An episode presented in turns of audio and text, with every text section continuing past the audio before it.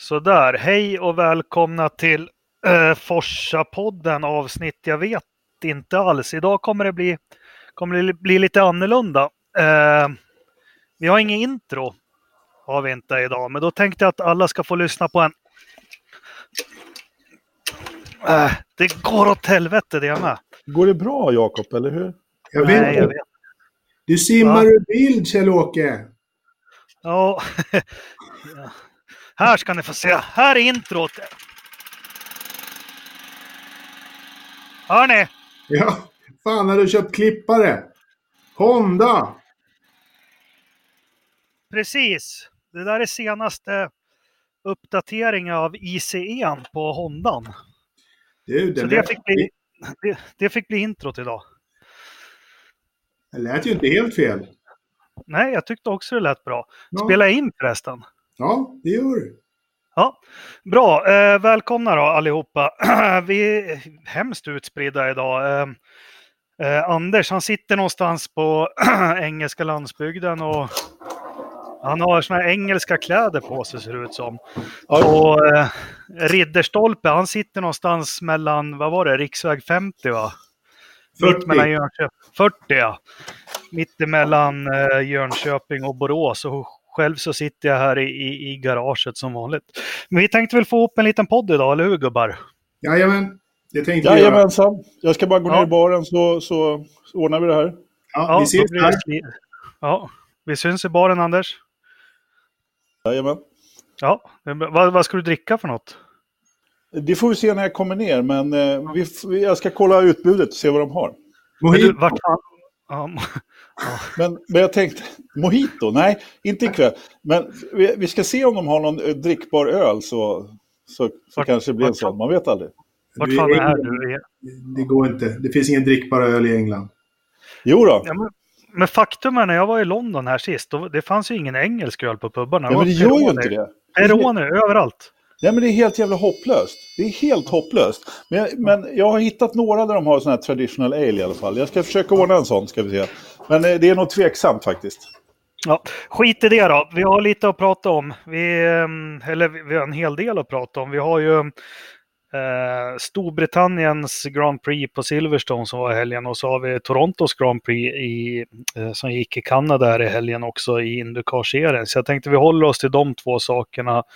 Vi skiter i Formula E och Formel 2 och, och allt vad Anders brukar bjuda på. Utan det finns väl ganska mycket att prata om. Men först, Ternström är inte med idag. Han låter hälsa att det här loppet i Storbritannien, det är precis det han menar med det som är skiten med Formel 1. Man kan inte lita på någonting. Ska man gå och lägga sig i soffan vid tre tiden och kno- knoppa till tråkigt lopp och så blir det katastrof. Så han är, han är verkligen på krigsstigen, så han vill inte ens vara med idag. Nej, så är det.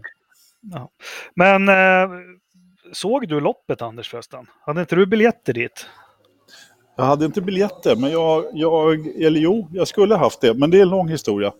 Man kan Ja. säga så här, att det, det, blev, det blev så att jag eh, inte såg det faktiskt. Därför att, eller ja, det är klart jag såg det, men på tv. Men jag såg det inte live, därför att engelsmännen, de är lite besvärliga med det här när det gäller att, när det gäller att skriva ut biljetter hemma. Jag var lite sen att, köpa biljetter, så att ja, jag hann inte vänta på dem på posten så att då tänkte jag då får de faktiskt ta sina biljetter och stoppa någonstans. Så att, eh, jag såg det på, på eh, hotellrummet på Channel 4 istället. Så att, men det gick bra. Men du, har- du betalade för biljetterna? Nej, nej, nej, nej, nej. Men Nej. det, var, det är så här att man, eh, när man köper biljetter, jag har, har ju köpt andra biljetter till lite senare i år till exempel, då kan man liksom skriva ut biljetterna hemma. Det funkar till alla lopp i hela världen utom just till Englands GP. Därför här har de kallt vatten i en kran, varmt vatten i en annan kran. Allting är extremt förlegat överhuvudtaget. Så att, ja, då, då, då kan man inte skriva ut biljetterna hemma, då måste man vänta på post och jag skulle redan åka. Så att, ja, då sket det sig. Men så är det. Ja, vi såg lopp i alla fall och det var, det var ju kul. Det var ju ett eh, otroligt, om jag ska börja då. Eh, f- först liksom, kan vi dela ut en, en, en Verstappen? Ja, förresten Anders, välkommen tillbaka. Fan, egentligen är du avstängd nu med, men... Eh, Jag får, eh, jag får eh, en respit ett lopp. ja, dispens den här veckan. Ja, Farkas, ja. han är nog på en Härligt. livstidsavstängning nu, för han tog ju Silverstones Grand Prix som, som veckans förstappen, att det, det skulle bli ett tråkigt lopp. Men det var, det var ett jäkla lopp vi fick se och det som slog mig, det, det jag saknar med Formel 1 kom jag på när jag såg loppet. För förstår ni vad jag menar? Att det var ett hetsigt lopp. Det var hetsigt. Ja, ja, men alltså det, det, det, var ju, det var ju saker på gång redan från start. Alltså, Ja det, det hände ju saker lite överallt. Det var ju, det var ju skitbra. Ja. Uh, och, och inte det här som när det väl är en omkörning i Formel 1 så är det liksom klart och den andra bara utan här. Uh, men, det var, uh, men det var hetsigt. Det, var, det kändes inte som de sparade på något. Det var, det var högt tempo hela tiden och, och, och jäkligt kul och jäkligt bra, bra racing. Så det, uh, jag, jag njöt till fullo i en timme och 40 minuter eller vad. Eller vad säger du Lövström? Förlåt, jag försöker beställa öl i baren just nu. Så jag, jag har lite Kan du inte göra det live då får vi höra hur det låter. Jo, men de hade ju ingen ale här, så jag, det, det funkar tyvärr inte. Och dessutom så var det visst inte min tur riktigt än, så hon gick bort igen. Men vi ska Ja. försöka ordna det.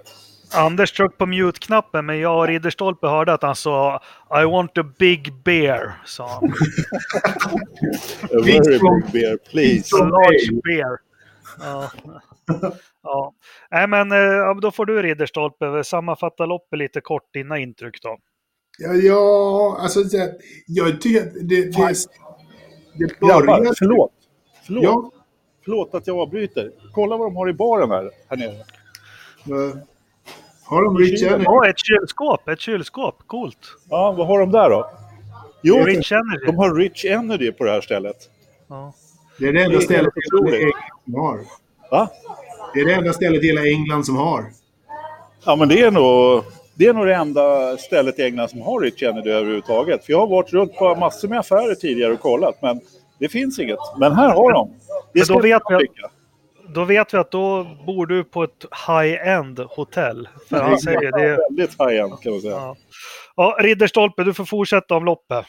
Ja, men alltså det började ju fan rätt bra. Jag gillade ju... Det märktes ju redan från, från start att, att Lewis var het. Han ville vinna.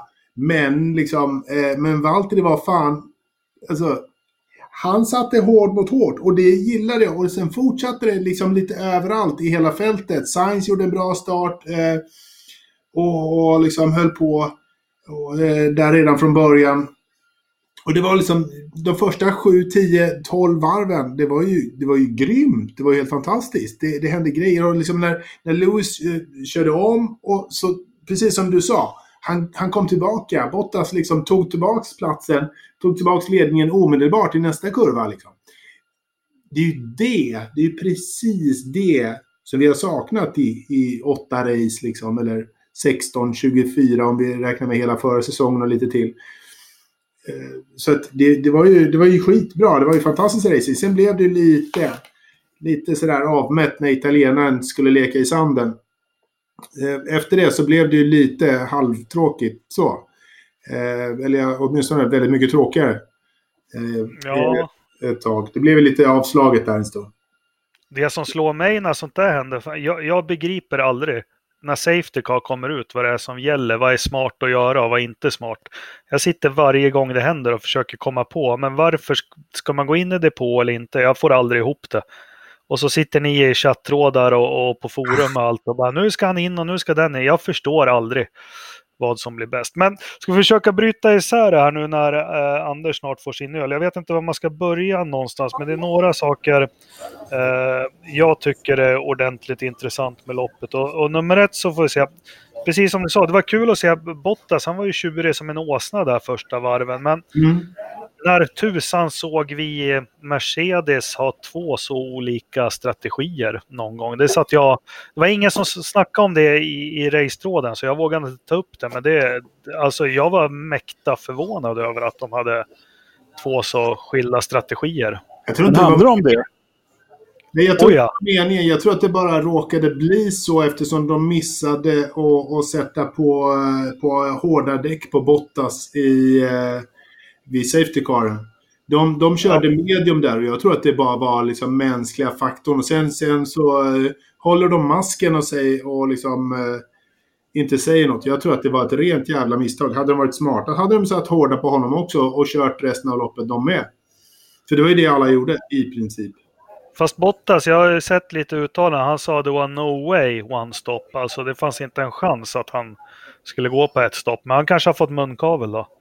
Nej, men eh, de sa väl också att, eller Bottas sa väl det efteråt, att de hade gått lite fel med strategin. Det har du helt rätt i Jakob. Men, eh, för jag var helt inne på, på Ridderstolpes linje där, att, eh, att, de, att, att det var något så olika. Men det kan helt vara så att, jag vet inte om det är täta skott mellan de där två garagen. Så kan det vara. Och strategifolket, det brukar inte vara det, men ja. I, så, i, i så fall så, så känns det som att de gjorde ett stort misstag i Bottas garage. Ja. Men som, som du sa Ridderstolpe, bortsett från strategier och, och safety car, men alltså man såg ju direkt, direkt första kurvan att eh, Lewis, han var, han var het, han skulle ha det här och, och jag kan inte låta bli att tycka synd om Bottas lite, men, men i ärlighetens namn, om, nu ska man inte hålla på och spekulera, för nu kom Safety Caren ut, och det, men det finns ju inte en chans i helvete att Bottas skulle vunnit oavsett hur det här blev, eller vad tror ni? Ja du. Lewis lopp där, så här, jag tror inte... Jag vet inte. Jag tror inte det spelar någon roll vad de hade gjort. För, för att Lewis hade nog fan... Han är faktiskt så mycket bättre än Valtteri ändå. Så att han hade bara sett till att han hade vunnit. Och, och mm. liksom sådär. Jag tror inte Mercedes hade behövt spela något spel för att se till att han skulle behöva vinna. Jag tror att, jag tror att han hade nog bara fixat det där ändå. För att han är eh, två klasser bättre än, än Bottas. Helt enkelt. Jag skulle vilja säga att eh, Bottas hade tagit det där om inte Safety Caren hade kommit ut. Men ja, alltså jag, det går inte. Jag, jag, är nog rätt säker på att Lewis hade fixat det där. Så som han låg på Bottas på de första, mm. nu kanske pratade om det när jag stod i baren och försökte beställa öl här, men som han låg på Bottas på de första varven. Jag har aldrig sett honom göra på det sättet. Han har alltid backat tillbaka eh, efter ett halvt varv, kanske ett helt varv nu låg han på hela tiden. Han skulle bara vinna det där. Och ja. Bottas han bet ifrån riktigt bra, men jag tror ändå inte det hade räckt hela vägen, även eh, med, om inte Giovinazzi hade behövt kamma sig i sandfållan. Men, Nej, det, men, men det finns ju ingen möjlighet, och precis som du säger, att nu med facit i hand, Bottas två stopp och Hamilton ett stopp och ändå låg han liksom, han låg inom, ja, det var en halv till 0,8 sekunder bakom hela tiden och det var ingenting att skydda däck eller eh, kyla bil eller någonting utan nej, men han skulle ha det här så det var ju bara, men eh, en eloge till Bottas ändå för jag tyckte, sen, i ärlighetens namn, Hamilton han sträcker inte ut armbågarna sådär jätte, jättemycket när han första varven där när de väl går hjul mot hjul. Nej, de är, det är klart att de är schyssta. Eh, de, de är smarta liksom. De är, de är ju inte... Det är inte has liksom. Eh, de, de, är, de, är liksom, de är lite mer street smart än, än, än, så. För de fattar ju att om, om, de, om de skulle köra av varandra, ja, men det kommer kosta dem en miljon dollar per huvud. Eh, för att Mercedes har en klausul som säger att om ni kör av varandra av vägen, då får ni fan betala skadorna själva. Och, och liksom, då, då gör man inte det. Uh, har du tipsat Günther om det där? Ja, men, jo, men jag, ska, jag ska twittra lite med honom sen. Jag har en tid med honom här nu kvart över. Ja, härligt. Kvart, vilken tidszon? jag kan berätta för lyssnarna att för första gången i världshistorien så var Lövström lite sen in i podden. Därför att jag är nämligen, som, som vi pratade om, i ett annat land. Eh, ett väldigt gammaldags land där man inte kan köra Central European Time. Utan, ja, så jag var typ 40 minuter sen eller något sånt där och undrade vad de skrek om på, när, jag, när jag inte kom in i rummet och skulle prata podd. Så, att, eh, så var det med det. Du kör Greenwich. precis, exakt. Eller som svenskarna säger, Greenwich. Ja, precis. Greenwich. ja, Greenwich eller Greenwich. Ja, nu vart vi lite elitistiska. Nej, men så. Um, Merca-bilarna avhandlade, men liksom Hamilton, han är, ju, han är ju faktiskt på en annan planet jämfört med de andra. Och, eh, ja, men det, han skulle ha det här. Sen en eloge till Bottas också och, och lite, lite, han fick ju det, han fick ju stå där i målfållan sen och kunde skylla lite på safety caren där då. Lite att han är ja. Och det var väl tur det istället för att få jättestryk. Nej, men det är väl klart att eh, liksom, alltså Hamilton hade ju, som vi precis sa, förmodligen tagit det där ändå. Men, men eh, alltså, han är ju, han är ju så, även med det här flytet som han har nu, han hade tur som en tok. Det hade han helt enkelt. Han behövde inte göra jobbet, utan han fick det, det kom till honom bara i och med eh, italienarens eh, eh snurrning där. Så att, eh, jag menar, ja, han hade plockat det ändå, men med det flytet som han har just nu så, ja, men det, det, var som, vem var det som skrev det? Hans lägsta nivå liksom. Ja. Den är det många som skulle vilja ha som högsta nivå. Ja, men precis. Ja, men det, det är ju så det är att Hamiltons lägsta nivå är ju så otroligt hög just nu så att det är väldigt få i fältet som har det som högsta nivå ens. Alltså, det, även när han har en dålig dag på jobbet så gör han ju jobbet så jävla bra ändå. Liksom. Och igår, han, igår var det inte dålig, men han hade tur. Det, det hade han helt klart. Han, han hade förmodligen inte behövt den där turen, men ja, så är det. Ja, men det, det här var ju... Det, här var ju ja. Vad sa du, Ridderstolpe? Ja, man jobbar in turen liksom. Man, man får ja. den för att du förtjänar den liksom. Klart man gör det. Och det, nu var det ett lopp som jag kunde följa hela helgen. Jag har inte gjort det för träning 1, träning 2. Det var länge sedan man gjorde det. Men, nej, men jag är fortfarande frågande till det här. För han går på vita Pirelli, eller hårda kallas de va? Sista stinten där. Han ja. har inte kört dem ett varv under hela helgen. Det var ju ingen som det... tilldelningar av hårda däck egentligen heller. Liksom. De hade inte riktigt varit...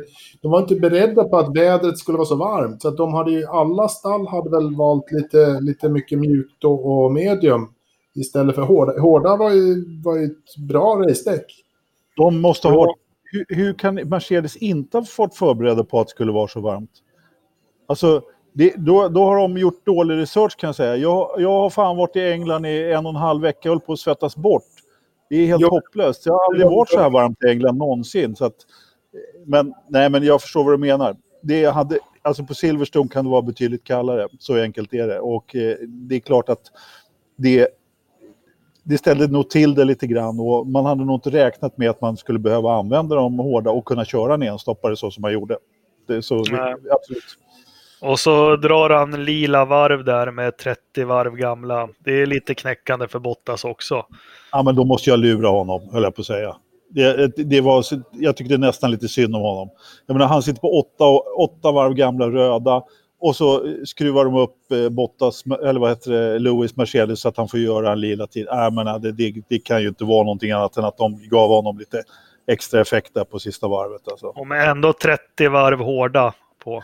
Ja, ja, ja alltså jag säger inte att det, att, han, att det var dåligt, definitivt absolut inte. Och dessutom, jag, jag såg faktiskt en intervju med eh, Toto efteråt. Och han försökte pliktskyldigt säga att han hade sagt åt Lewis att han inte fick göra sådär. Eller hur? Oh, eller hur? Eller hur? Nej, men är man... Ja. Han, han, han klippte ju till Bottas med 02-03 också, så att det var ju ett ganska ordentligt mycket snabbare varv också. Så att det var inte liksom, det var inga tusendelar vi snackar, utan det var ju det var en ordentlig eh, tillklappning, ordentligt.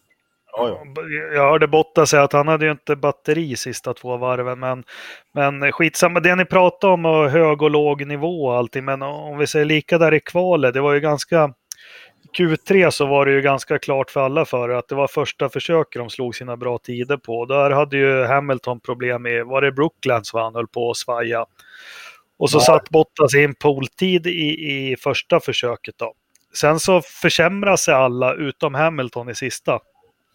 Ja, det var, ju, det var ju jättelångt ifrån att han tog pool också. Det var ju flera, flera decimeter. 6 millimeter. Ja, så det... Ja. ja, ja, men då har vi städat av Mercedes då. Eh, det blir fem väderstationer till, till Hamilton och till hela stallet. Men sen, jag tänkte, vad, vad, ska vi ta sen? Ska vi, ta, ska vi börja med Ferrari? Vi pratar strategier. Eh, Anders, du la ut någon rolig bild här på Forsa-forumet. Va, va, ja, det känns ja. som vi berör det här igen, men de, de gör det igen, Ferrari. Ja, ja. Nej, men de har ju ingen koll. De, de tar ju fel beslut hela tiden. De kan ju inte ta rätt beslut.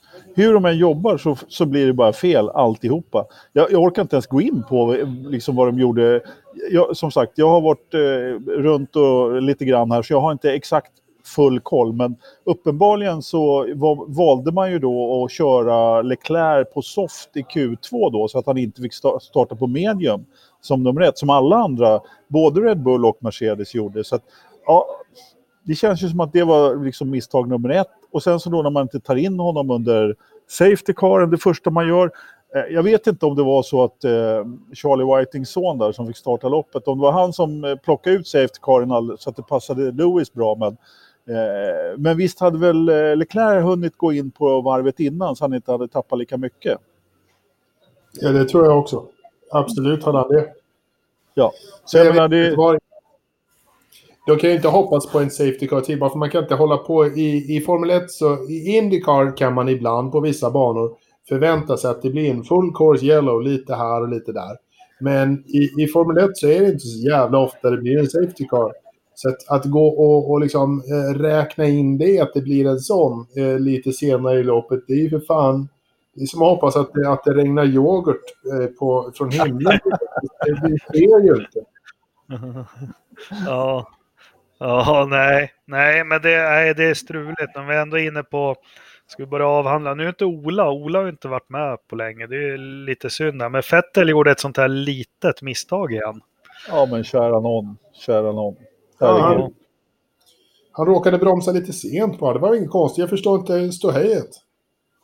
Nej. Nej. Eller ska, ska Lövström släppa teorin här nu att det var eh, Verstappen som stängde dörren? Ja, ja. Det, var ju en solklar stängning av Verstappen. Han vinglar ju som vanligt. Alltså, nej men någon, alltså Verstappen vinglade ju, vinglar ju alltid, men eh, där hade nog Vettel fått eh, backa lite innan. Han var liksom omkörd och det var eh, som Ricardo skulle sagt, eh, frimärke var slickat på och brevet var skickat liksom. Det var färdigt, den omkörningen var klar liksom. Så, så, så Vettel hade definitivt kunnat ta det bara lite lugnare och det insåg han ju själv ganska snabbt också. Det som jag tycker var helt fantastiskt var att bila, båda bilarna funkar. Har de börjat med Indycar-grejer Ja. på Formel 1-bilarna eller vad är frågan om? Jag menar Ja. det som gick sönder på Verstappens bil det var ju, eh, vad heter det, eh, styrningen, eh, powersteering. Eh, Ja, diffusen lite också. Men jag, ja. det, någon hade väl varit och bytt hjulupphängningar mellan Marcus Indycar där Ja. och Verstappens. Ja, helt klart. För han gick ju sönder så fort han fick en liten putt. Så det, det, han hade garanterat eh, Verstappens hjulpengar och Verstappen hade fått Marcus. Ja. Helt rätt. Fast ja, eh, fan jag har sett och tittat på den här Fettel-incidenten. Nu, nu får jag klä i med Olas roll. Är fan, gud vad jag svär. Eh, lätt hänt ändå. Alltså om man tittar på det hela från början och, och han är ju rejält omkörd på Hangar Straight in i Stove där. Ja. Men jäklar vilken dålig utgång Verstappen får. Vad fort han liksom kommer ikapp. Ja. Eh, sen, nej, jag vill inte vara den. De här är ju betalda 300-400 miljoner per år. Men det, det går rätt fort där. Och det, och vad sa han själv? Han trodde det skulle öppna sig på insidan. Ja, och, och Verstappen stängde ju dörren där. Eh, Det var någon faktiskt på, på någon, jag kommer inte ihåg om det var David Coulthard eller om det var Mark Webber som tjattrade på den här brittiska kanalen jag såg. De gjorde någon, eh, nå, någon parallell till eh, Schumacher när han eh, var i slutet på karriären och började köra på folk. Ja, men det Eh, var Peter Winstore säkert. För han, han, jag kan tänka mig att det är han som har chattat om det. ja, det är möjligt. Det här är, det, jag ursäkta att jag avbryter mig. Jag har inte sett vad han säger nu, men jag vet att han, han har en teori om när racerförare är gamla och blir slut så kör de på folk bakifrån. Mm. Och då var det just Schumacher och det här Alonso gjorde i Melbourne på, på Haas-bilen och flög och sånt. Ja, precis. Det var precis det de tog upp och eh, började prata om eh, Vettel. Nu var det ju bara en, sa de. Men ja, någon gång ska ju, ska ju statistikserie eh, börja. Eller vad säger Ternström om det, tror vi? Vad säger du om smällen där och Ridderstolpe? Nej, alltså jag tycker att det var lite, det var lite så här, lite småklantigt. Han, borde, han borde kunna liksom läsa situationen bättre och inte, och inte komma med någon, eh, någon, något snicksnack om att han trodde att det skulle öppna sig in. Det är klart att det inte gör det. Liksom. Han var omkörd. Han skulle bara ta och försöka liksom... Där fanns ingen lucka att hitta. Liksom. Det, han han får leta på den sen istället, tycker jag. Mm. Sen kommer vi in på det. Han fick ju 10 sekunder på det här och, och, om vi ska vara negativa, de här fem, vi har väl avhandlat det, 5 och 10 sekunders straff. Alltså vad gör ett 10 sekunders straff för Fettel i den situationen när han slutar 17 plats? Nej, men han ska ha ett drive-through, han ska, ska stop and go, han ska ta en jävla 10 sekunders straff. Vad är det för fånigheter? Jag menar det där Ja. är ju en regelrätt påkörning, han ska ha ett rejält straff för det där. En, dri- en drive-through ska man ha. Eller ja, precis. Drive-through eller stop and go. Det är de straffen som... Alltså, att addera tid efter att du har gått i mål. Ett jävla pissigt sätt att fördela ut straff. Du ska ha ett straff när loppet är, så att det känns just då. Att dela ut straff i efterhand som det här blir, att man får räkna om och pilla runt. Jävla dumheter. Ja, men, Ja, men sär- särskilt i det här fallet när han liksom glider in på 17 plats. För det är liksom, det gör ju ingen skillnad för honom alls. Ja, men det spelar ingen roll om det är sjunde eller sjuttonde. Liksom, bara för det, det är liksom fortfarande ett jävla omräkning. Att vi ska hålla på och liksom kolla och räkna. Liksom, ja, men hur långt fram har Charles nu egentligen till Sebastian? Hinner han in och kan han sno tredjeplatsen? Jag vill inte hålla på och tänka på det. Jag vill kunna se tabellen och se att ja, men nu ligger Vettel på, på fjärde plats och, och Bottas på tredje och han hinner inte ikapp och bla bla bla. Jag vill kunna se det klart och tydligt. Inte hålla på och fundera på fem eller tio sekunder. Nej, men problemet i det här fallet är ju att eh, Fettes bil pajar ju naturligtvis. Hade Mm. den inte gjort det, eller han fick ju punka där och fick linka runt, runt lite grann. Men hade, inte, hade, han, hade han kunnat köra iväg på samma sätt som Verstappen lika snabbt, ja då hade ju de varit samma, ungefär samma sekvens på banan. Vettel hade fått en 10 sekunder och han hade fortfarande varit på poängknapp, eh, poängplats och för, förmodligen till och med före Fe- eh, Verstappen. Och det är det som är det stora problemet med det här. Han ska ha ett så pass straff så att han kommer ner på den platsen som han nu gjorde beroende på att han hade trasig bil. Då. Så att, eh, det, är- där i problemet ligger tycker jag. Ja, för att, ja, ja men, men, men jag håller med. Men det, ja, det, var, det var ju en av, av alla fighter. Jag tycker det är fegt av Fettel. Jag, jag, fan, en riktig racerförare, han skulle bara vidhålla att han bromstestar mig. Men nu är det ju så mycket telemetri och data och skit. Men det skulle ha varit häftigare om han sa det. Ja. Och så han var ju, jag tror Verstappen alltså, han har gjort sig ett, ett riktigt namn i depån. För jävla vad rädd han var Fettel. Han sprang ju rakt fram till Red Bull-bilen när den kom in där i Park Formel och gjorde high five och bad om ursäkt och allt. ja, men det är ju Fettel faktiskt. Han är ju inte sen att ta på sig en sån här grej faktiskt. Det tycker jag är lite snyggt gjort av honom ändå. Ja, Turkiet 2010, Malaysia 2013. Ja, ja, ja.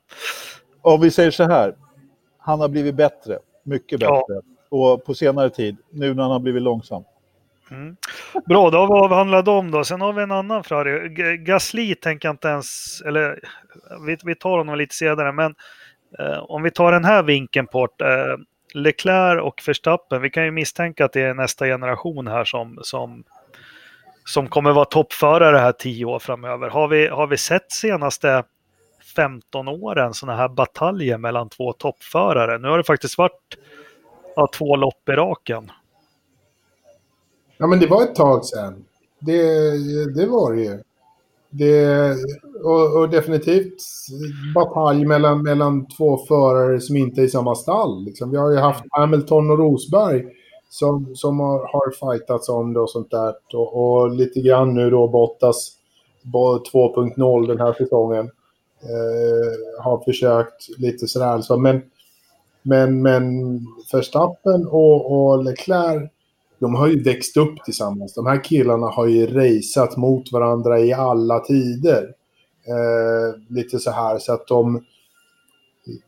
De borde ju kunna varandras racingtyper ganska väl också. Och nu hörde jag ju att Leclerc gick ut och, och sa efter Österrike, så, ja men bra, nu vet jag spelreglerna. Nu har jag lärt mig spelreglerna så att nu, nu kan jag köra så som jag förstår att det är okej att köra. Så nu kör vi.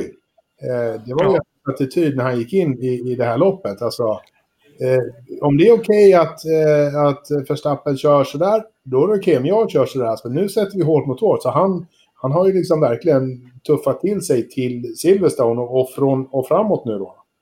Mm, Det jag är håller bra. med. Men det, jag försökte komma till, eh, eller också det här att vi får se som du sa, två, om vi tittar bara tio år tillbaka när det har varit jämna VM-fighter. Om vi tar 08, Hamilton och Massa. Det var ju aldrig de gjorde upp på banan. Uh, om vi tar 2010, ja, Alonso, vänta, vänta, vänta, vänta, stopp, stopp, stopp, stopp. Massa. Det, han, honom har aldrig någon kunnat köra bredvid någonsin. Då, Nej, det gick, då slutar det, det alltid i samförhållande. Det är inte Hamiltons fel. Nej, men, det, nej, men det, det jag menar det var att de vann liksom vartannat lopp. Och det var ju samma 2010 med Alonso, Webber och Vettel. 2012 ska vi inte prata om. Alltså, jag tror inte Alonso och Vettel var före eller efter varann eller bredvid varann någon gång på hela säsongen. Ändå så avgjordes det sista loppet mellan. Och det är det jag tycker är lite häftigt med den här racingen vi fick se nu på Silverstone. Jo, men han hur irriterad man kan vara på de där italienarna. Så, så, för att vi inte fick se slutet på det här, att vi inte fick se när de eh, liksom gjorde upp eh, ordentligt. Och det fanns ju ingen chans, alltså Leclerc, han sålde sig svindyrt. Precis som du sa Ridderstolpe. Det här, är det så här det ska vara, okej, okay, då sätter jag emot allt. Och det, det nästan syntes i körningen eh, mellan dem att Leclerc, nej, så här, här kommer du inte förbi liksom. Fast det var vårdat på något vis. Jag tyckte nummer ett så var det imponerad hur bra han körde defensivt Leclerc. Sen den här räddningen han gör ja. på, på Hanga Straight här när du sa att frimärket är och det är lagt på lådan och allting. Hur, hur tusan hämtade han? Kommer ni ihåg vilka jag menar? Ja, ja, ja. det var ju liksom när han kom, kom igen på yttern där. Alltså, ja. Det var ju så jäkla snyggt. Det var ju årets omkörning. Det ja. var ju så jäkla... Nej, vi tänker inte på samma. Vi, Nej, tänker okay. på samma. Nej, vi tänker på när, jag tänker på när Verstappen går om honom på, på Hanga Straight. Ja. Och då, han gör en jäkligt farlig vingling då, Leclerc. Ja. Men äh, ja, skitsamma, jag lägger upp klipp på den sen. Ja, men är det där när han reagerar precis eh, så här, eh, tiondelen efter Verstappen? Verstappen går ut till höger om honom och han ja. går ut klockan, men, men Max kommer ändå före. Eh, där ser man ju också faktiskt en, en lite mognare Max Verstappen som eh, ganska enkelt hade kunnat stänga dörren typ stenhårt för, för Charles Leclerc. Men han gör inte utan han backar. Och eh, Leclerc går runt och tar tillbaka platsen. Hade det, varit, hade det där varit för två år sedan så hade Leclerc bara tryckts av banan utan dess like. Men nu har Max mognat till sig lite och håller, håller sin plats och liksom låter, tycker jag faktiskt, låter Charles köra tillbaka. Lite så ja, men absolut, jag håller med. Det, det, är mycket snyggare racing nu än vad det hade kunnat vara det, det, även om jag inte gillar Österrike-incidenten så det var verkligen snygg racing, det var det, helt klart. Jag var aldrig orolig att det skulle smälla heller, fast det var så hetsigt. Ja, men det, det, Silverstone ser ju ut på ett annat sätt också än vad Österrike gör på det sättet. Så att, eh, jag, var, jag, jag, var inte helt, jag var lite orolig. Gjort. ja. ja, nej men det var, det var en riktig jäkla och den fortsatte ju sen. Men det var som ni sa, det var synd att Liuzzi där att, ja, med säkerhetsbilen. För det där, där skulle man, Förstappen har ju sagt att han var ju, skulle inte det ha hänt med Fettet skulle han kommit tvåa. Han var säker på att han skulle tagit Bottas. Vad tror ni om det? Nej. Nej. Jag tycker att Mercedes är ändå för snabb. Så här, nej. Visst, har, Red Bull har ju en bra racebil och, och... Men ändå, nej jag vet inte fan. Mm. Vad, tror, vad tror du Anders? Tror du verkligen att Förstappen hade kommit ikapp? Nej, det tror jag faktiskt inte han hade gjort. Han, han hade uppenbarligen bra fart, det hade han, men han hade inte kunnat rubba Mercedes, absolut inte. Det, det tror jag inte. Mm. Är, ehm, är, ja, Gasly här gjorde väl, det var väl kul för honom att få rycka upp så Han gjorde ett par snygga omkörningar också, men eh, ja, Anders, du var inne på det, säsongens omkörning, eller de två, tre senaste säsongernas omkörning. Kan du berätta lite om den för lyssnarna? Va? Vilken då? nu är jag helt borta. Som ja. Gasly gjorde, eller vadå? Nej, nej, nej. Som var, vi pratade om det nyss. Ja, ja så du menar när han körde... Ja, när, ja, men det var det Leclerc gjorde på utsidan på Gasly, ja, precis. Mm. Just det. Ja, men den var ju... Eh, ja, Nej, men vadå? Jag kan inte berätta, återberätta den på annat sätt än att det var väldigt snyggt. Men när det gäller Gasly överhuvudtaget så, ja, men han är ju fortfarande mil ifrån sin eh, stallkompis. Liksom. Och jag, jag, kan inte ens påstå att han gör det bra. Ja, han gör det kanske lite mindre dåligt just nu överhuvudtaget. Han, han är inte utskåpad av Förstappen, så han är väl kanske lite på rätt väg då. Men Ja. Ja, det var väl ett fall framåt i alla fall. Men bara backa tillbaka till omkörningen. Jag tänker på Verstappen och, och Leclerc och det, de här omkörningarna de gör. Det som slår mig också, de här ungtupparna, vad, vad kreativa de är. De kör ju om och försöker köra om på ställen.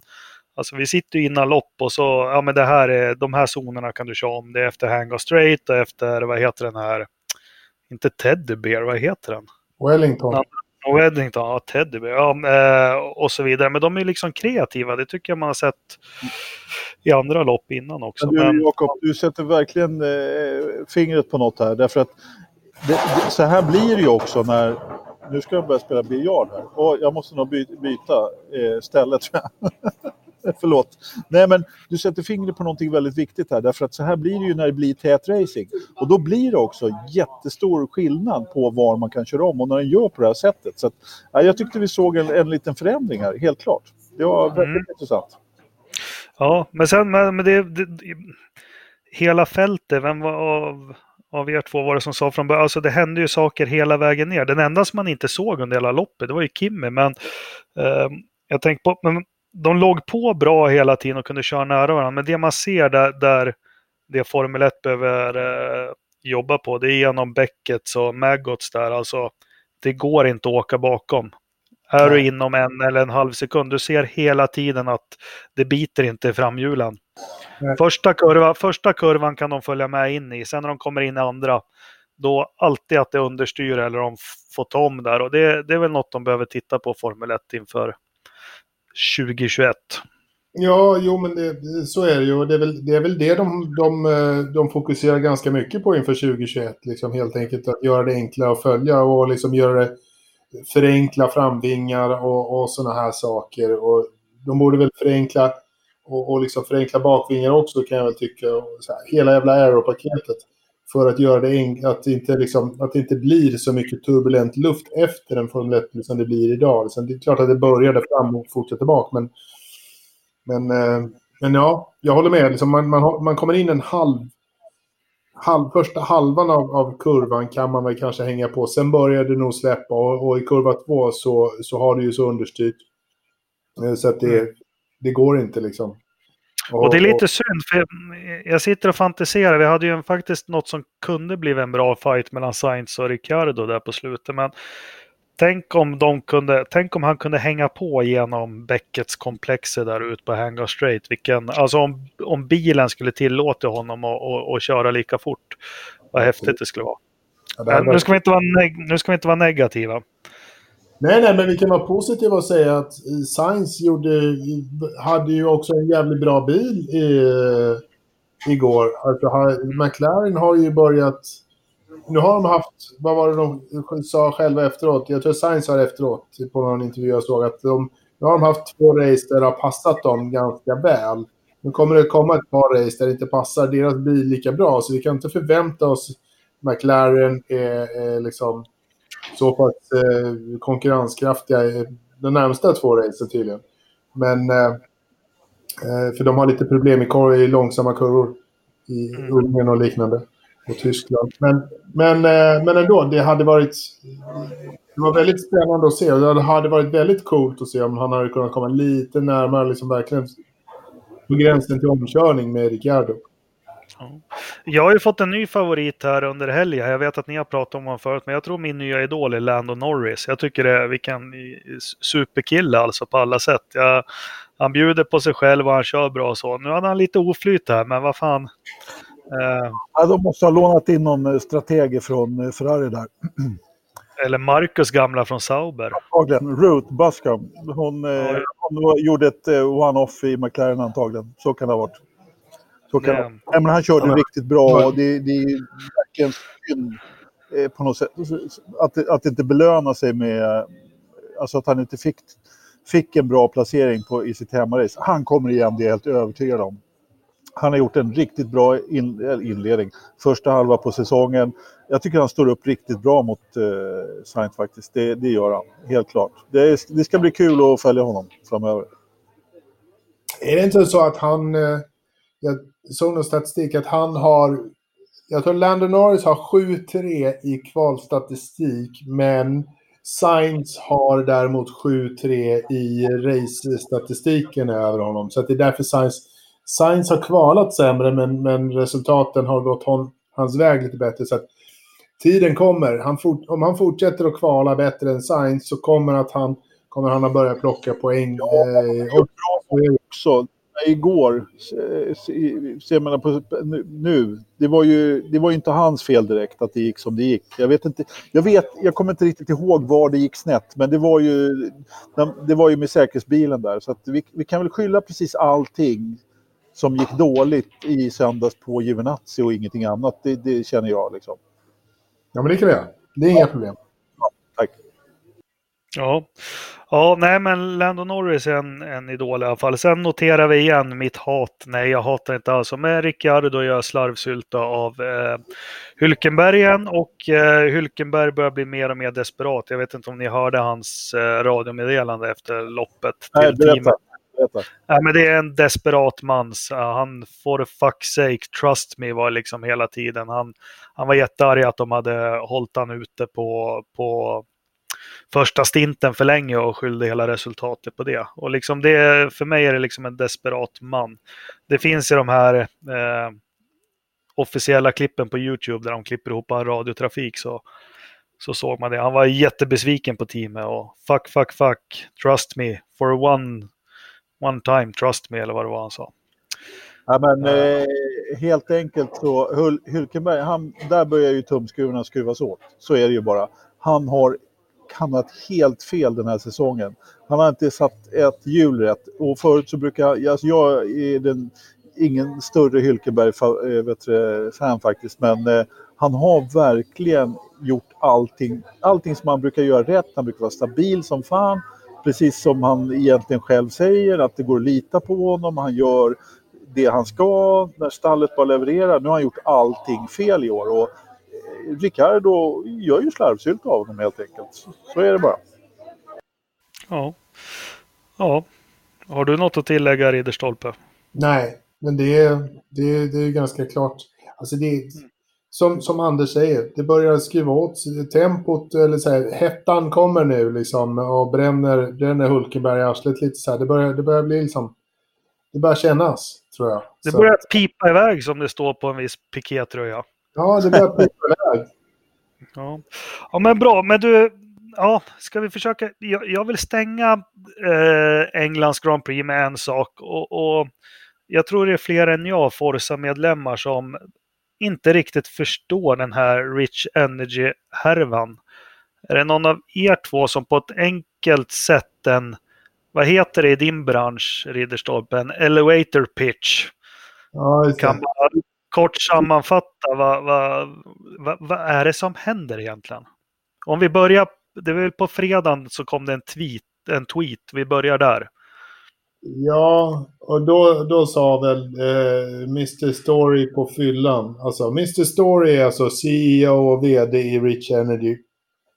Eller bolaget. Han ingen, han är ingen, är han ägare?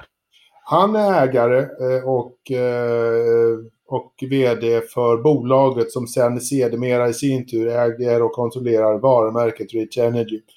På fredagen så är han förmodligen ute och super lite och börjar twittra och säga liksom nej fy fan nu kan vi inte göra det här.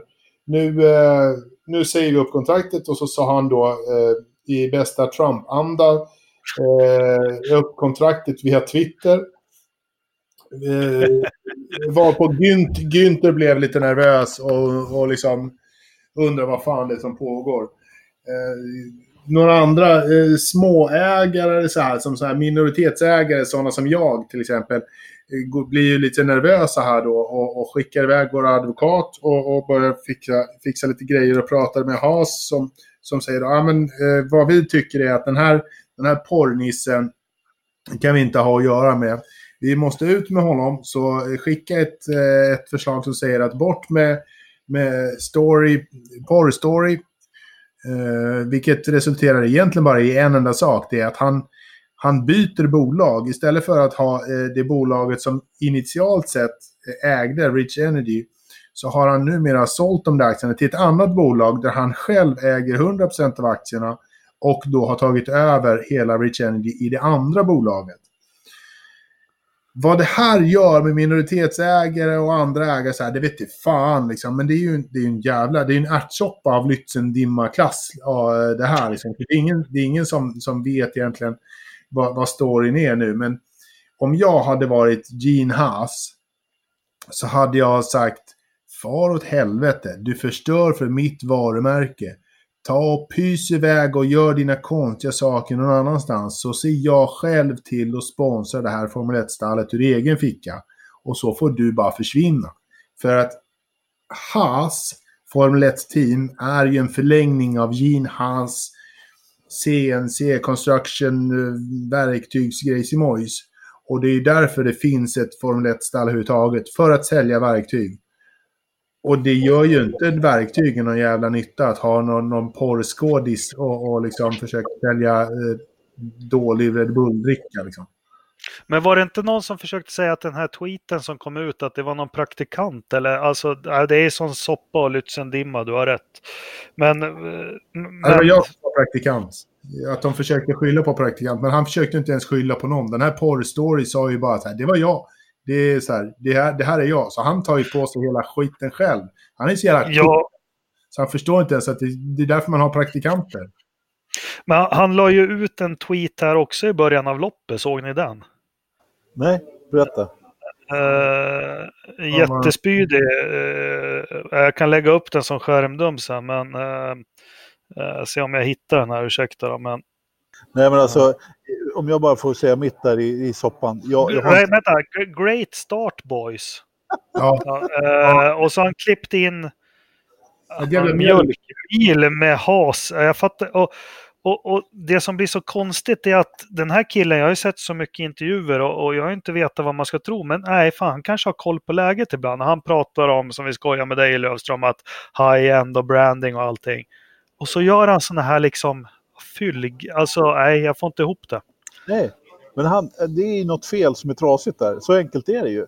Och alltså jag vet inte.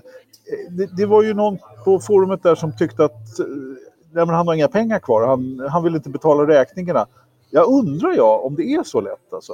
Jag, jag, eh, visst, det kan mycket väl vara så att han eh, försöker smita undan och betala överhuvudtaget. Men det, det är ju någonting som är skumt. Jag har inte orkat sätta mig in i hela röran där som du, Ridderstolpe. Jag tycker det var annars en väldigt bra förklaring där med ärtsoppa i Lützendimman. Det, det, det känns var, som...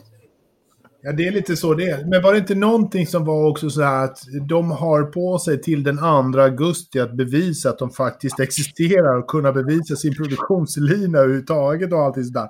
Precis. Mässigt är det ju ganska okej.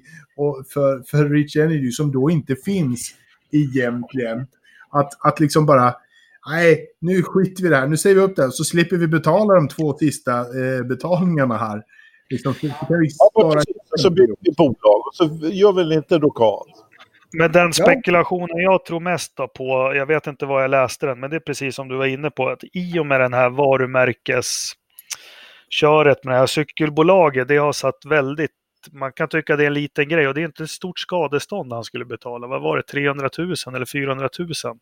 Ja, det är inte mycket alls. Det har han ju inte betalt, men i den domen så är han, som du säger, Ridderstolpe, de tvungna att redovisa dels i detalj vad är det för samarbete ni har med HAS och sen visa er produktionslina. För en sak i det här varumärkesintrånget är också att de måste på något vis redovisa hur många burkar har ni med den här loggan? Hur många har ni sålt hur många har ni på lager?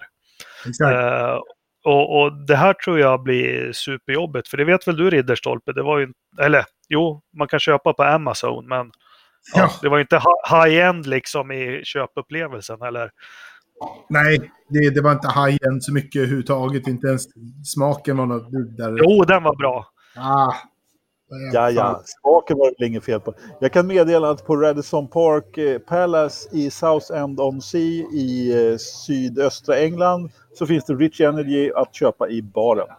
Kan inte du fråga om det sen, de i baren? Säljer ni mycket av den där? Är den bra? Liksom, du, kan du kolla vad är det för logga på burken? Tröttan som jag försökte beställa öl, hon visste inte vad, vad, en, vad en traditionell engelsk ale var. Så jag vet inte om jag vill gå tillbaka och göra det. Men jag, jag ska se vad jag kan göra sen. Du bara, my name is Alo. Uh, nej, men uh, är det, bara, det är bara jag som har reagerat på. Jag undrar hela tiden när ska Hamilton hamna i den här soppan med hans lilla dekal han har haft på hakan i flera år. Jag var tvungen att lägga ut det på forumet för den, den är också jättelik den här White Nej. Energy-loggan. Den är ungefär, lika li, lik som Ridderstolpes eh, hjorthuvuden som man har på väggen bakom där ungefär. Ja. Nej, jag ser bara en tiger. Tiger?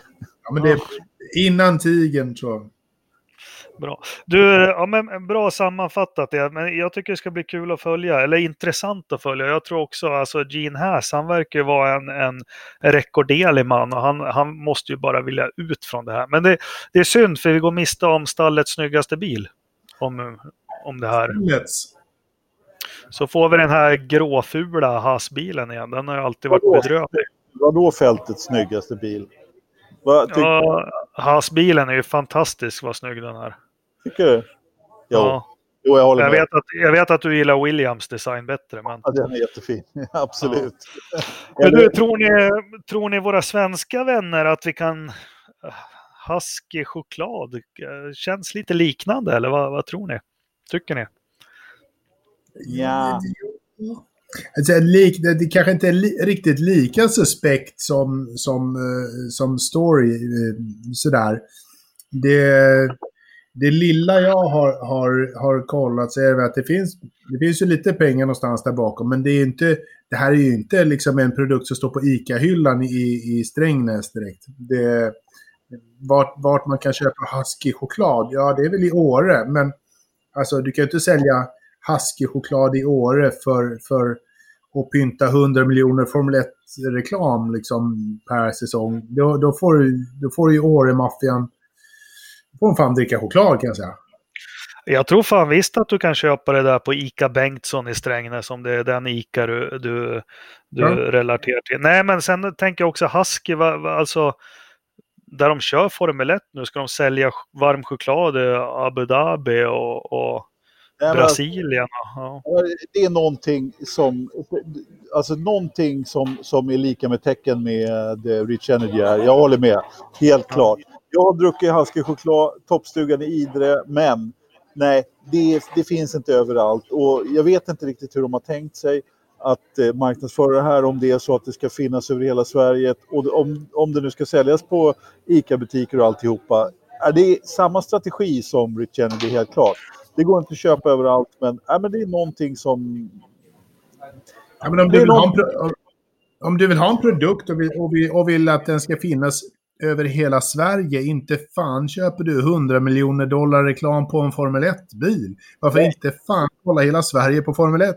Det är liksom... Nej. Det, det här är ju om du ska lansera, eh, alltså marknadsföring kanske inte är vår starka sida här i Forza-podden, men om man jo, det skulle jag vilja säga att det kan vara min starka sida efter att ha jobbat med det i 15 år. Men, ja. ja, men det är bra Jakob. Du berätta för oss varför, varför Husky har betalat de här pengarna till McLaren.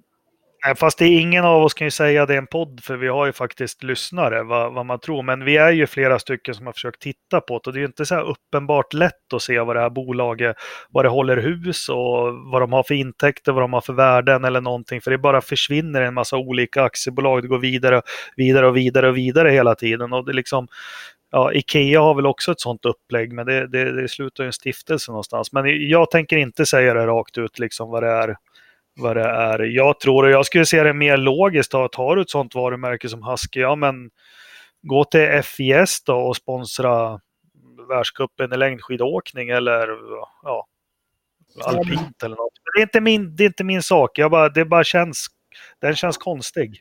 Ja, men det, det, det ligger en uh, uggla begraven, eller på att säga. Det är, det, är en, det är en gravad hund där någonstans, så enkelt är det. Ja. Den som vet något får skriva något eller den som tror något får...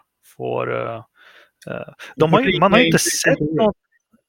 Ja, men liksom, man har inte sett att de har gjort något av, alltså om vi pratar marknadsföring, alltså att de har gjort något av det här samarbetet med, med McLaren. Alltså det är ingenting som syns på något vis någonstans. Daften på teamkläderna och ditten och datten. Och... Ja, men jag tänkte att Husky som varumärke själva, att ja, men de skriver att de är officiell partner till McLaren, men de har liksom inte gjort något mer av det. Eller? Ja, inte vad jag har sett heller.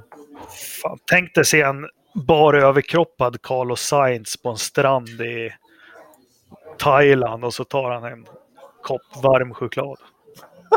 Det kan ju jag fixa. Det är lugnt. Skicka mig istället. Så... Ja, jag skickar in. Ja, det, nej, du, du får svepa en choklad utanför Ica Bengtsson i, i, i, i Strängnäs istället.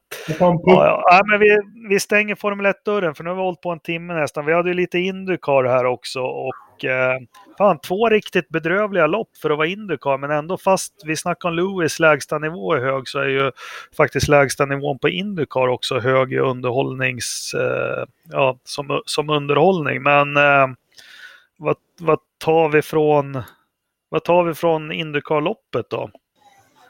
Ja, vad tar vi därifrån? Nej, men det är som du säger. Det är ganska hög lägstanivå där, helt klart. Det var ju eh, en gul flagga som eh, Will Power ordnade till i början som ställde till det för bland annat Marcus då. Och det var ju också den enda gul gulflaggan. Och det är klart att där bygger ju lite grann spänningen på att det blir en och annan folkårs yellow. Så att fältet trycks ihop lite grann och omstarter och då brukar det kunna hända mera, mera grejer. Men det var ju inte, det var inte jättetråkigt, det var det definitivt inte. Men det var inte ett av de mer underhållande loppen, det var det inte. Men eh, det finns ju, man ser ju bland annat varför en kille är femfaldig mästare i det där fältet. Ja, vilken jävla räv. Ja, och, och dessutom hade han ju problem med, med upphängningen då, hjulupphängningen. Så att uh, ratten stod ju snett och vad det var för någonting. Och ändå så plockar han liksom och ja, han är ju nära på att vinna det där. Han har ju ont också. Ja, precis. Tennisarmbåge dessutom. Ja, det hade jag med i början av puberteten. Kan jag Av helt andra orsaker. Ja, jag körde ju inte Indycar i alla fall. Nej, exakt. Nej, men det är, um, det är spännande. Alltså, Scott Dixon är ju, är ju helt, helt fantastiskt. Eh, vilken, vilken kvalitet eh, han har på att, på att leverera liksom, stadiga lopp.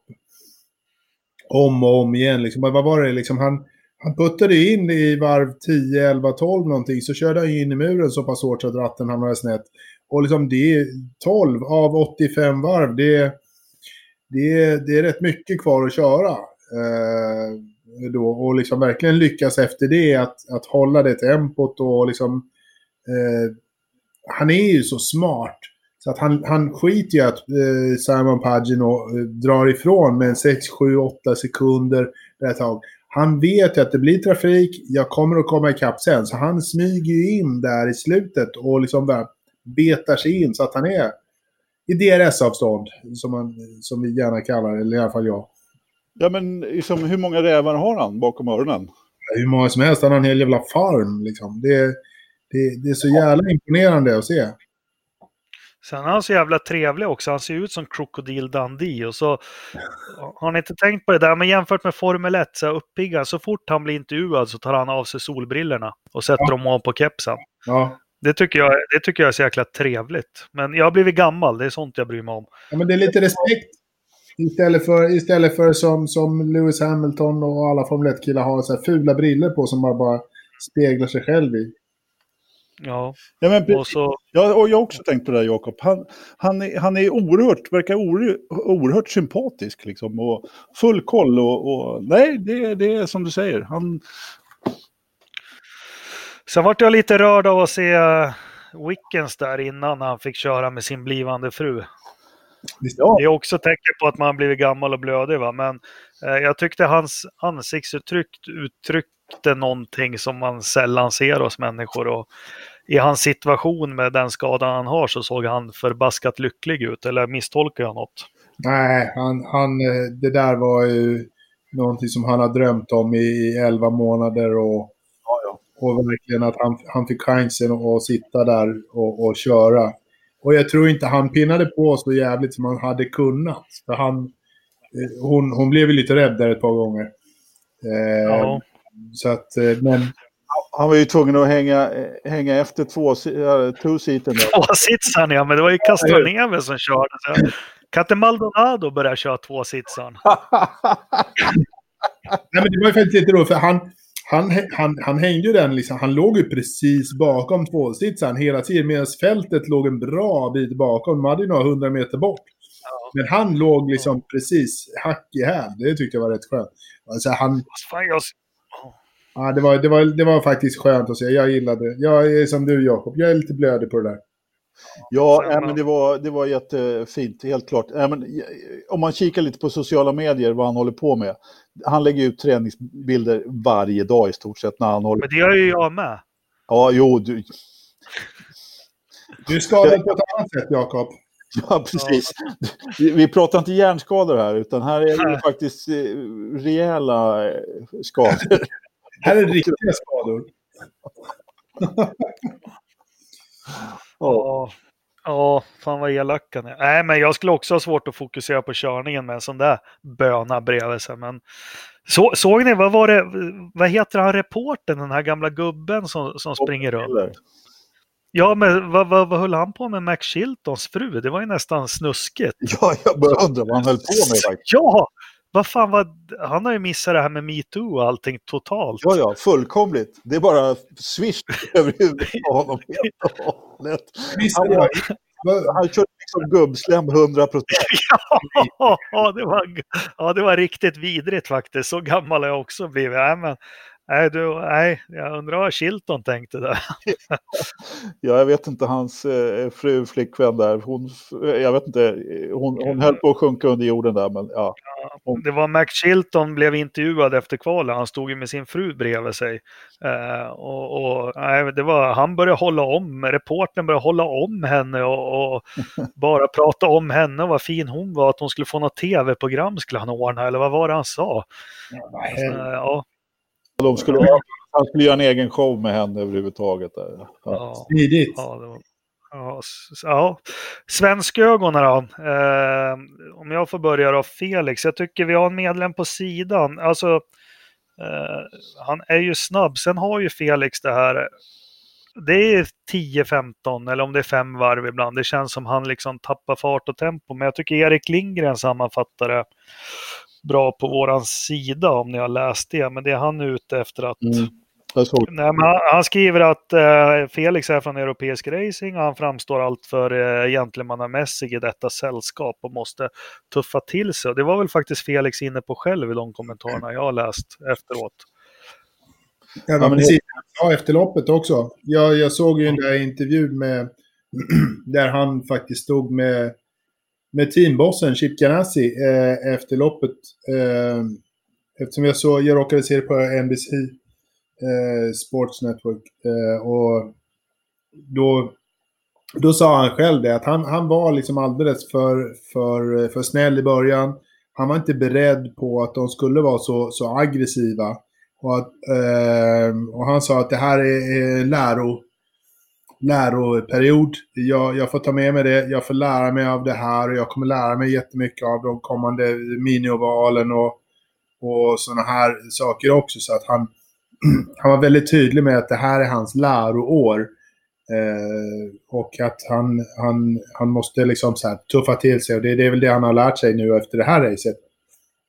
Ja, klart. Men sen så är det ju också så här med Felix att eh, alltså jag har sagt det här förut flera gånger, att eh, han, han, han, lämnar ju oss med verkligen höga förhoppningar med sina träningar när han alltid är där och i kvalen så är han ju, när, han, han hade ju tagit pole om inte Dixon hade snurrat där på, i sista kurvan i stort sett. Eh, de, de sa ju att, eh, det är också förresten lite förvånande att Dixon inte blev av med sitt varv där överhuvudtaget. Jag tror det var för att de sa att de sa att han inte hindrade någon där i kvalet, men Eh, han hindrade ju faktiskt eh, Felix, men eh, ah, ja, spelar roll då. Eh, han lovar väldigt stort Felix och han kan inte riktigt hålla det naturligtvis. Och, och precis som ni säger, han behöver, han behöver liksom stå upp från början och slå den där uppercutten omgående. Och det gör han inte riktigt. Utan han, det... han är försiktig och jag förstår varför han är försiktig också därför att han behöver ha den. Han behöver komma i mål. Han har alltid varit en oerhört smart förare som alltid har gjort, tagit de rätta besluten men, men han har backat lite för mycket eh, för att han vill så gärna liksom, han vill inte eh, liksom bryta lopp överhuvudtaget. Och, och då, då, gör, då är han lite för feg, men det är ju jättelätt att sitta här och säga naturligtvis. Men, men jag, jag faktiskt, här, jag, om vi nu drar parallellen till vad, vad Ternström sa, för det blev en liten tråd där om att Marcus satte snabbaste varv. och då var Ternström snabb med att säga liksom att det spelar ingen roll, du liksom, när, när du är liksom 100 varv efter så är det fan fuck same om, om du sätter snabbast varv. Applicera det här nu på, på Felix istället så att han sätter eh, snabbaste varv och sånt när det inte är en race-situation, vilket han gör i träningar och kval och sånt där. Men så fort det blir en race-situation och alla andra du har runt omkring dig eh, är mer eller mindre i samma situation som du är just nu och då blir han lite mer försiktig. Och då tar han det eh, väldigt mycket lugnare och tar liksom mycket mera piano så att säga det kan vara mycket väl som så att det är enklare, och jag tror det, det är enklare för Felix att sätta ett toksnabbt varv när han liksom har eh, liksom sin grej eh, enklare runt omkring sig på ett kval eller på en tidsträning. Då får han lite mer ett fritt varv och liksom allt annat runt omkring. Vilket gör att det är som han har kanske inte riktigt tuffheten nog när det väl liksom bränner till i, i raceläge. Mm, ja, ja, ja, jag vet det. Alltså... Han har ju en, han, han har ju en svacka. Liksom. Det kommer ju... Eh, vi har ju kallat det en svacka i alla fall eh, ett tag här nu. Men det kan vara ju det som han säger, att han är lite feg. Alltså han är lite för snäll eh, i racen. Och, och det är det som vi ser som en svacka. Men det är egentligen att han han, han tar det lite för, för lugnt och försiktigt istället för att vara så där tuff som han, han egentligen borde vara. Ja, han, men, det, men, men han, han, det är ju den här fällan vi pratar om. Alltså, vi har såna, varför har vi, ja, det har vi pratat om förut. Jag vet varför jag har såna jättehöga förväntningar på honom. Man kanske inte ska ha det. Och jag vet, när det blev klart att Felix skulle köra och Marcus, då sa ju Ternström att ja, Felix är ju mycket bättre, men ja, topp 10 i mästerskapet. Det är liksom det man kan förvänta sig. Eh, men ändå så har man så höga förväntningar på honom. Och, och ja, fan, han var ju tuff första loppet, kommer ni ihåg den omkörningen där? Sen ja. och gick upp i ledningen och allting. Men jag tror det handlar lite om nu eh, amatör, jag vet ingenting, jag har ingen insyn, men jag bara känner att ja, de här smällarna på ovalen och sånt, de tog lite hårt på självförtroendet. Eh, och nu, nu fick han ju ett bra lopp. Liksom. Han, han, han tappade fart som han brukar under 10-15 varv. Men nu hade han faktiskt tur. Det var några som bröt och, och det var ju på vippen att han slutade fyra det här loppet också. Absolut. Ja, det är, ja, jag, nu, jag, det är Will Powers fel igen. Vad sa du? Det är Will Powers fel. Att, att han inte slutade fyra överhuvudtaget. Ja. Han, hade ju, han, han är ju, han är ju Indycars Grosjean helt plötsligt. Ja. ja I alla fall i är han väl det. Men, men jag, tror, jag tror att vad som har hänt med Felix just nu är att han... Jag vet inte. Jag, jag har bara en känsla av att det finns en klausul i hans kontrakt som säger att om han blir bästa rookie så får han ett år till eh, garanterat. Om han nu inte redan har det. Eh, ett flerårskontrakt, vilket jag inte skulle bli förvånad om han har faktiskt redan från början. Men jag tror att han redan nu börjar se efter sitt hus och inte kanske jagar vinster. Det är klart han gör det. Men det är nog viktigare för honom att vinna rookie-ligan 2019 än, än att vinna mästerskapet 2019. Nej, nej. Jag, håller, jag tror inte på det. Jag tror inte på det. Jag, jag tror han, alltså med, med det facit som eh, Felix har så är han en, den typen av förare. Han är oerhört konsekvent och vill inte bryta lopp överhuvudtaget. Så att, eh, jag tror helt enkelt att det där är hans eh, sätt att eh, göra det här på.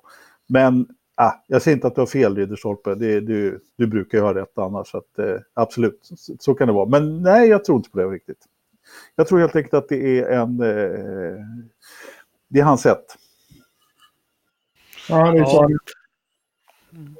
Okej, men uh, om vi, då ska vi trampa på lite ömma tår nu då. Vi, vi hade ju svenskglasögon, men han levererar ju i alla fall. Vi har ju en till svensk.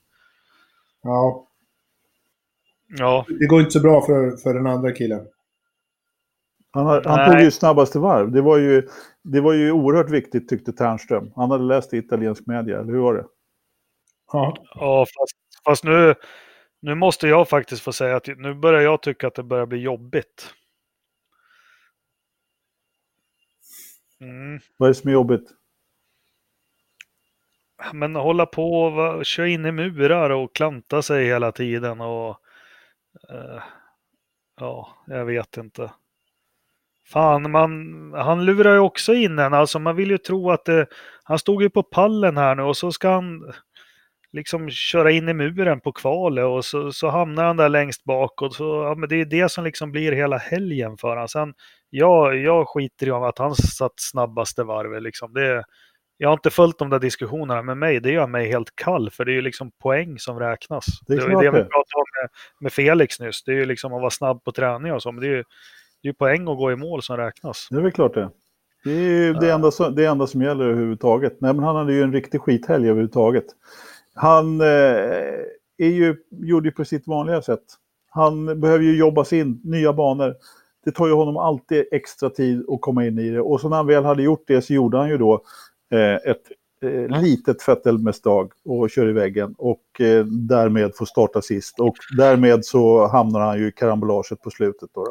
Och jag menar, det var ju jag vet inte, man ska inte prata om otur så. Det var, det var ju naturligtvis det att han var i slutet på, på fältet som gjorde att han hamnade där han gjorde överhuvudtaget och, och att han fick skadan. Men det var ju lite maximal otur verkligen att han blev påkörd av Ja, Leis där. Det, det var det ju verkligen, det håller jag med och, och jag tyckte inte den smällen var att bilen borde tagit stryk, så det, det håller jag med om. Jag varit förvånad när han stod still så länge i depån alltså, men, men, men det jag menar, för det var ju den här intervjun med stallet innan också, den, den kändes lite sådär, ja men de var jättenöjda med hans inställning och, och och Ja, men det var ju Ja. helt klart så att de var nöjda med, med allting utom resultaten. Ja, och körningen. Ja, körningen tyckte jag nog att de var hyfsat nöjda med, men eh, resultaten var de definitivt inte nöjda med. Fast de såg ju fram emot att han skulle få lära sig banorna nu och så. Och, vad var det de sa? Att vi ser fram emot att han kör med oss nästa år när han har lärt sig banorna. Men Ja, det var, den kommentaren var ju så här, ja tack. ja, ja men det, han pytsar väl in rätt bra med deg där så det... Eller Ja, det, Ja. det är lite oklart faktiskt ja, vad, tror, vad säger du Ridderstolpe? Jag vet att jag, jag sitter och tänker på att han, eh, han har en spiral, precis som vi sa förut, att Hamilton har en... ursäkta. Hamilton har en, en positiv spiral där liksom så här, han, han får tur av sin framgång. Så har ju Marcus också... Han har ju lite så här, han, han, han hamnar lite ofta i skiten och, och får otur av, av, av motgångarna också. Så att jag tror att han är inte förtjänt av den, eh, den oflytet som han har. Han, han skulle nog kunna, han, han skulle kunna prestera liksom eh, bättre. Han skulle kunna vara närmare Hinchcliffe eh, i, i kval och liknande absolut. För han kan ju köra snabbt även på Toronto-banan. Även ifall han aldrig har, har liksom kört där förut så, så sätter han ju snabba varv. Det bevisade han ju liksom. Men Problemet är ju att han, han, han har sitt, sitt oflax att när det betyder som mest, ja men då, då, då touchar han i väggen. Och så är, är det kört och då touchar väggen, startar liksom sist eh, i fältet och, och någonstans i, i mitten så skiter det sig och då får du skiten igen. Liksom. Så här, det, det, det är otur på otur och, och liksom så här, man ska inte säga att det är otur men det är en dålig spiral. Så man hamnar på Men lite har, har Marcus kanske hamnat i den här kända idrotts... Ja, men, eh, han vill för mycket, han tar i för mycket. Det, han vill alldeles för mycket. Visst kan det vara så.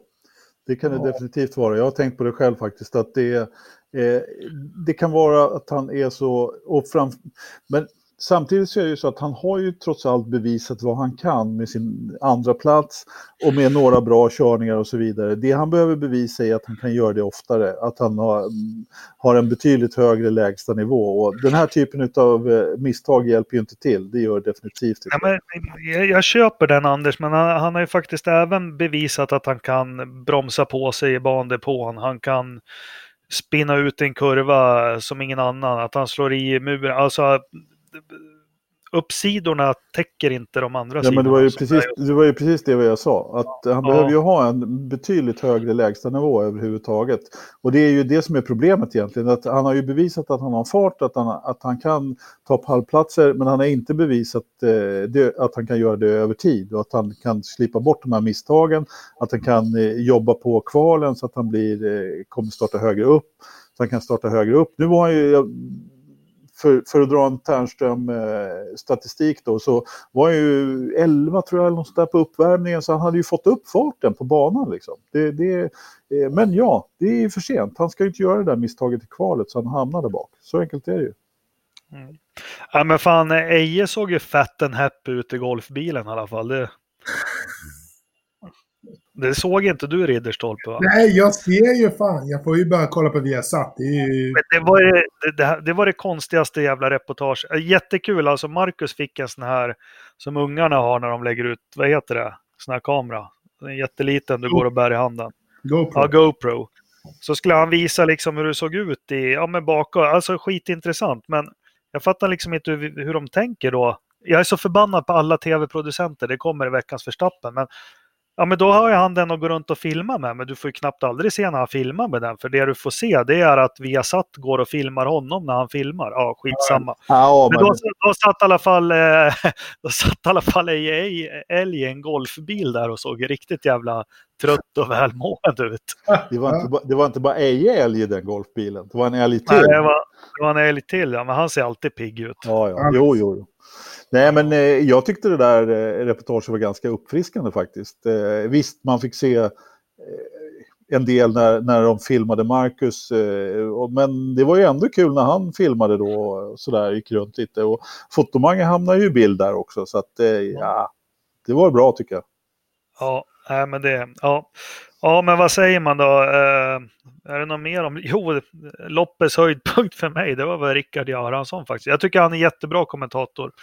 eh, Måste jag säga. Sen tyckte jag det var så kul, jag kan ju inte härma en bred Närke-dialekt, men när Will Power satte den i muren där i slutet. Såg ni det? Han försökte ju backa loss. Ja, Då säger han på Närke, han är en riktig burnout. det tyckte jag var jätte, jätteroligt. med, med backen dessutom. Ja, precis med backen. Men då, jag tycker, om vi ska prata om så, jag tycker Rickard Göransson är jättebra. Jag tycker Ekblom är bra också. Nej, men eh, Göransson har helt klart eh, växt in i rollen. Han är Ja. mycket mer avslappnad nu än i början och har... Eh, men han kommer med en del insiktsfulla kommentarer, helt klart. Han är riktigt bra, tycker jag också.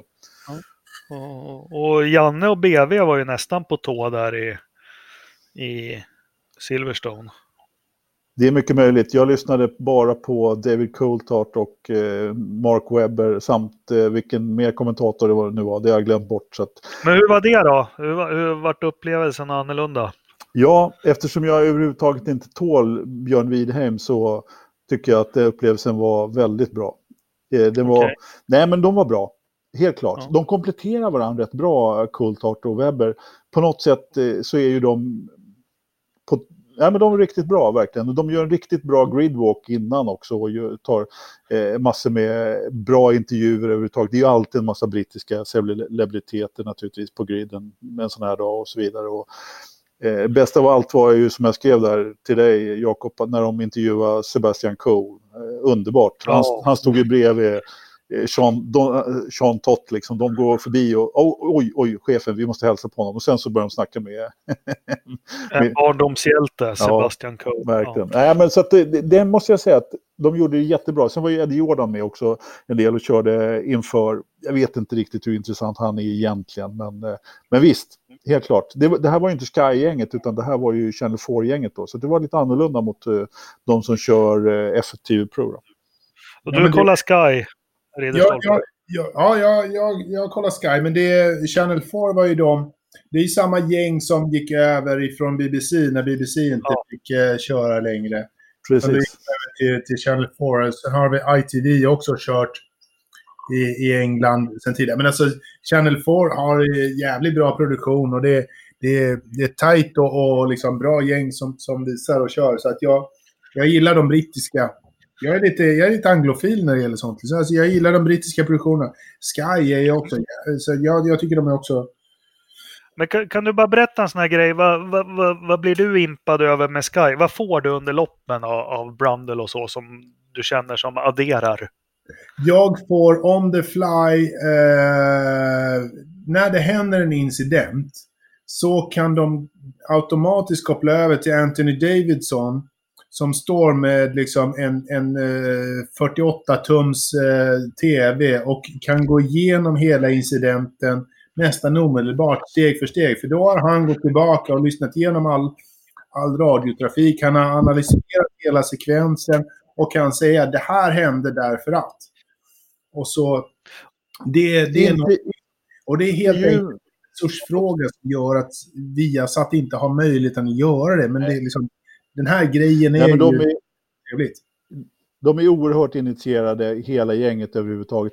Eh, Channel 4 hade till exempel intervju med Horner på, på depådisken under loppet. Det har, det, det, det, jag har hört eh, eh, Steiner nå- vid något tillfälle på Sky också, men ja. Men bara det på något sätt gör ju att man får en helt annan upplevelse. Och då, det är ju resurserna som gör det naturligtvis. Alltså vi har satt Ja, och Ja- Janne och, och gänget gör det jättebra, men Ja, ja. jag, jag, Ingen skugga så eller jämförelse i övrigt. Det är bara intressant och med deras Mm. miljardbudget vad det adderar. Men någon jag tycker Anthony Davidson, han är ju riktigt skarp alltså. Mycket han är, bra. Jag, jag glömmer aldrig, kommer ni ihåg, var det 15 eller 16 när Rosberg och Hamilton går in eh, i varandra i Spaniens Grand Prix? Du, jag, du Jakob, du menar att han är bra nu på att eh, analysera händelser i Formel 1, inte köra racerbil?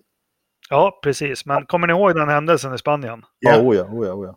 Han såg ju direkt att det var Rosberg som hade klantat sig med det här start mode, att du ska släppa Ja, ja. knapp.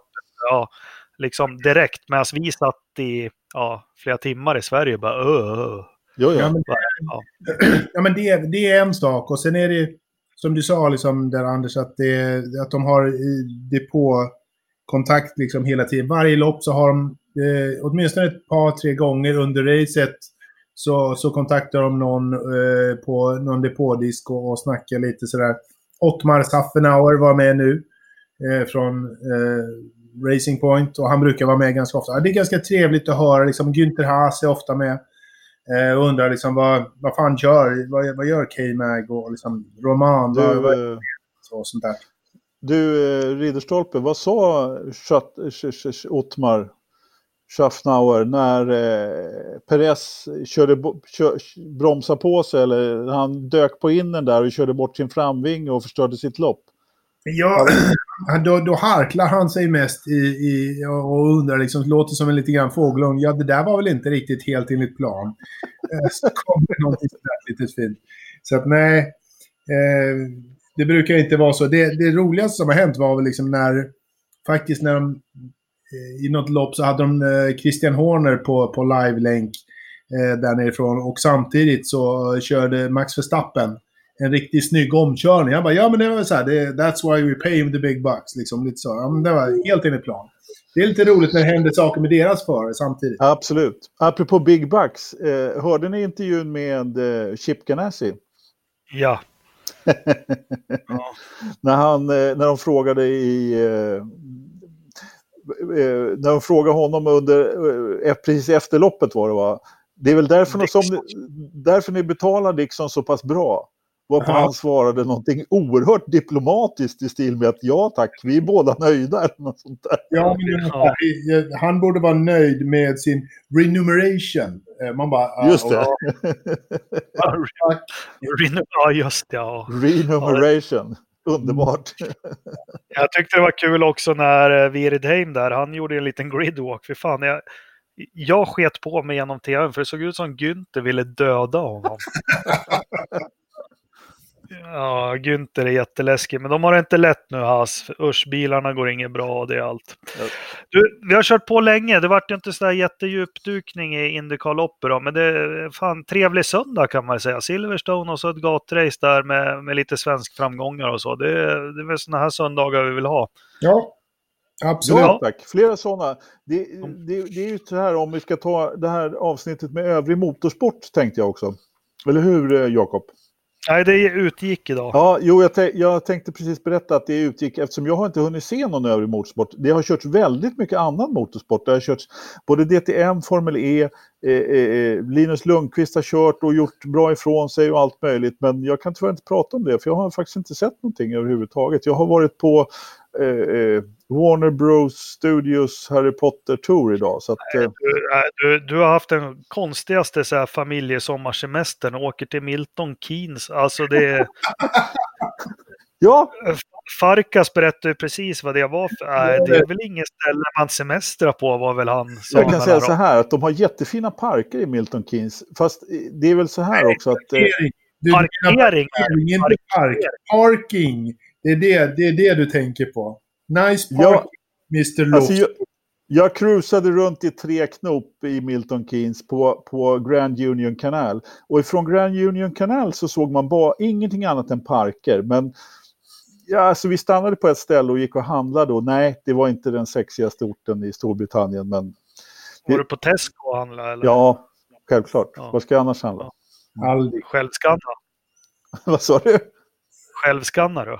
Nej, inte, inte då faktiskt. Utan, eh, Det var ju jättestruligt, men jag var ju också med familjen. Jag, skulle in på, jag var ju lite dragen då. Jag skulle in på någon Tesco. De hade superkomplicerad självskanning och jag var jättepissnödig. och- Ja, det, ja.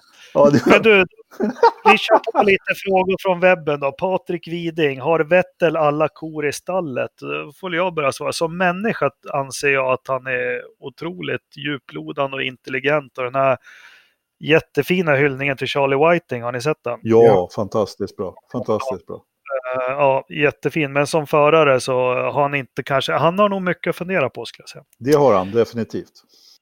Johan Sahlström, tar Gio över Vettels plats nästa år? Nej. Nej, Nej. Stefan Lundgren, dags att sparka ut Bottas. Kan inte spöa Hamilton på slitna hårda när han själv åker på nya mjuka. Finns ingen annan som kan ta över, så fuck that. Nej, vi skulle- pratar om det. Vi Esteban pratar om det. Renault. Ja. Ja. Nej, men han har rätt att fråga Stefan. Vi pratade om det förra avsnittet. Ja, Han kanske inte, han är inte på i Hamiltons kaliber, men varför byta ut liksom Nej, men- Bottas? Han tar sina andra platser. Nej, men han är ju världens bästa Baricello. Han, han är ju jättebra andreförare. Vad ska de byta ut honom för? Han är ju helt underbar. Joakim Ternström frågar, var är jag? Ja, det vet vi inte. Han skrev ju själv att han var på någon långtradarbordell i nordöstra är Tyskland. grej, liksom. Jag vet inte. Tyskland verkar han vara i, men vi är inte riktigt säkra. Hans IP-adress säger något helt annat. Ja. Olle Danielsson frågar åt en vän. Marcus har ju en spotter på ovalerna som täcker hela banan. Skulle han behöva en spotter i varje kurva på vanliga banor och på stadsbanorna? Eh, svar ja.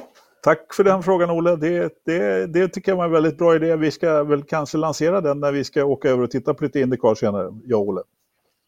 Joakim Fagerlund, vilket team hade senast en värre ra- racehelgen? House. Kaos med sponsorer, krasch i pitlane under träning. Förarna kör ut varandra ur racet. Då skulle jag vilja säga att Mastercard Lola i Australien 1997 hade någon liknande jävla helg.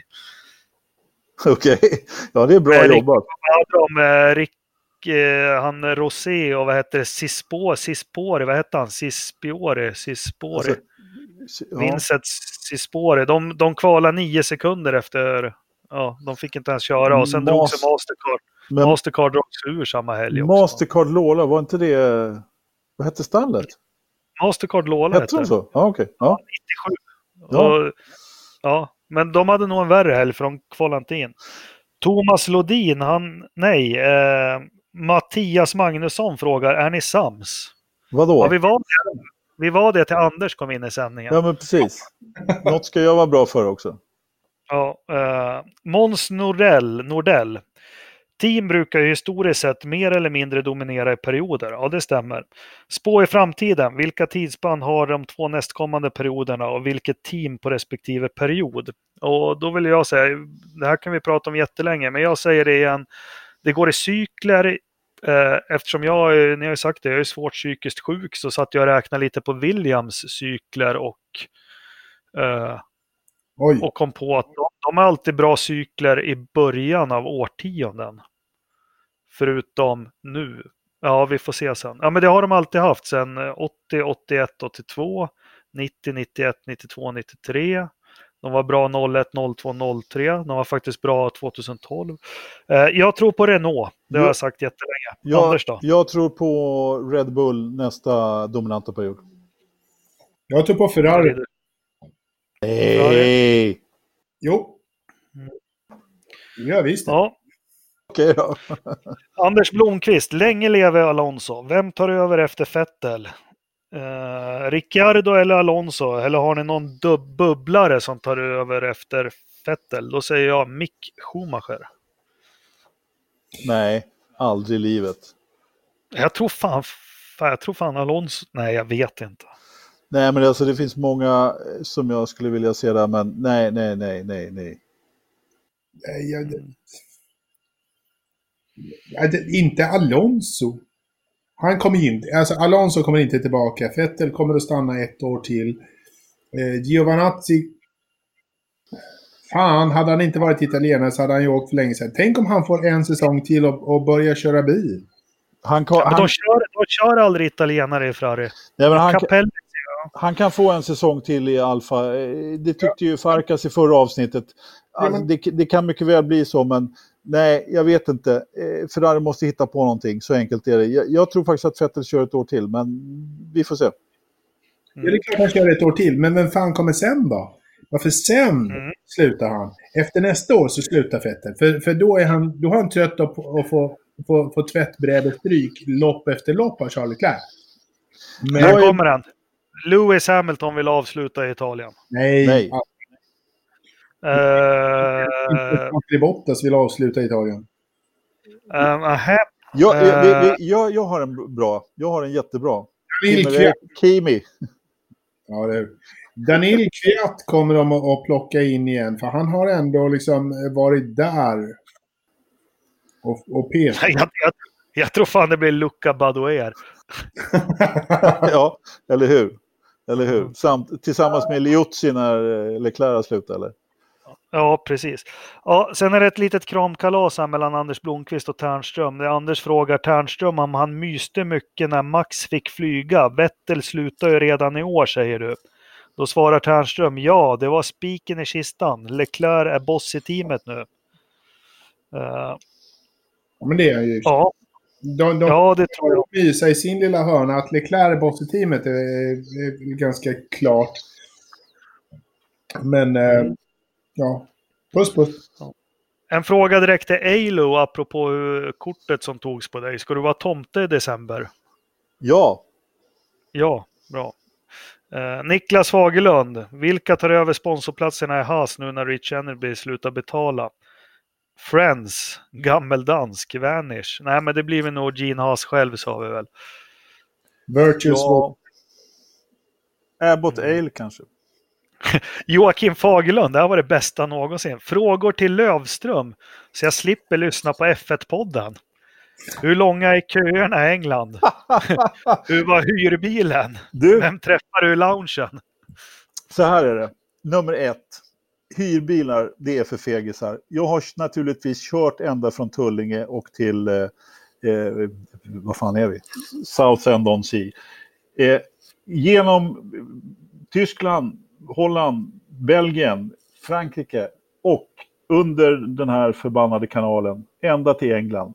Och det har funkat jättebra ända tills vi kom till England. Inte nog med att de kör på fel sida, det är bilar med fan överallt och de kör som galningar. Jäklar det är trafik på, dem, på den här. Vi har åkt den här jävla M25 runt London tre varv. Det är helt jäkla hopplöst. Det är kö överallt. I, ja, jag skulle kunna ha en egen två timmars podd om trafiken i England. Alltså. Det är helt hopplöst. Och så hyrbilen, hur var din egen bil då? Den är naturligtvis oerhört välbalanserad. Eh, jag har rätt lufttryck, eh, den sitter bra i kurvorna. Jag har missat en rondell när jag höll på att åka till höger istället för vänster. Annars, ja, nej, riktigt bra faktiskt. I sann Marcus-anda. Men eh, har du träffat någon i loungen då? Eh, ja, massor. Ja, bra. Då behöver inte Joakim lyssna på F1-podden mer. Det tyckte här var faktiskt den roligaste, för det är liksom det de snackar om. Senast jag lyssnade, då var det Janne och Lill-Erik pratade om att de hade gått hand i hand med Hylkenberg på någon flygplats i 30 Ja. minuter. Sen stängde jag av. Men, Olof men, Laneryd, är det Hon- Hondas motorer bättre än Renaults nu? Ja, men det hörde ni, det vet ni i början av avsnittet nu. Så. Eh, eller hur?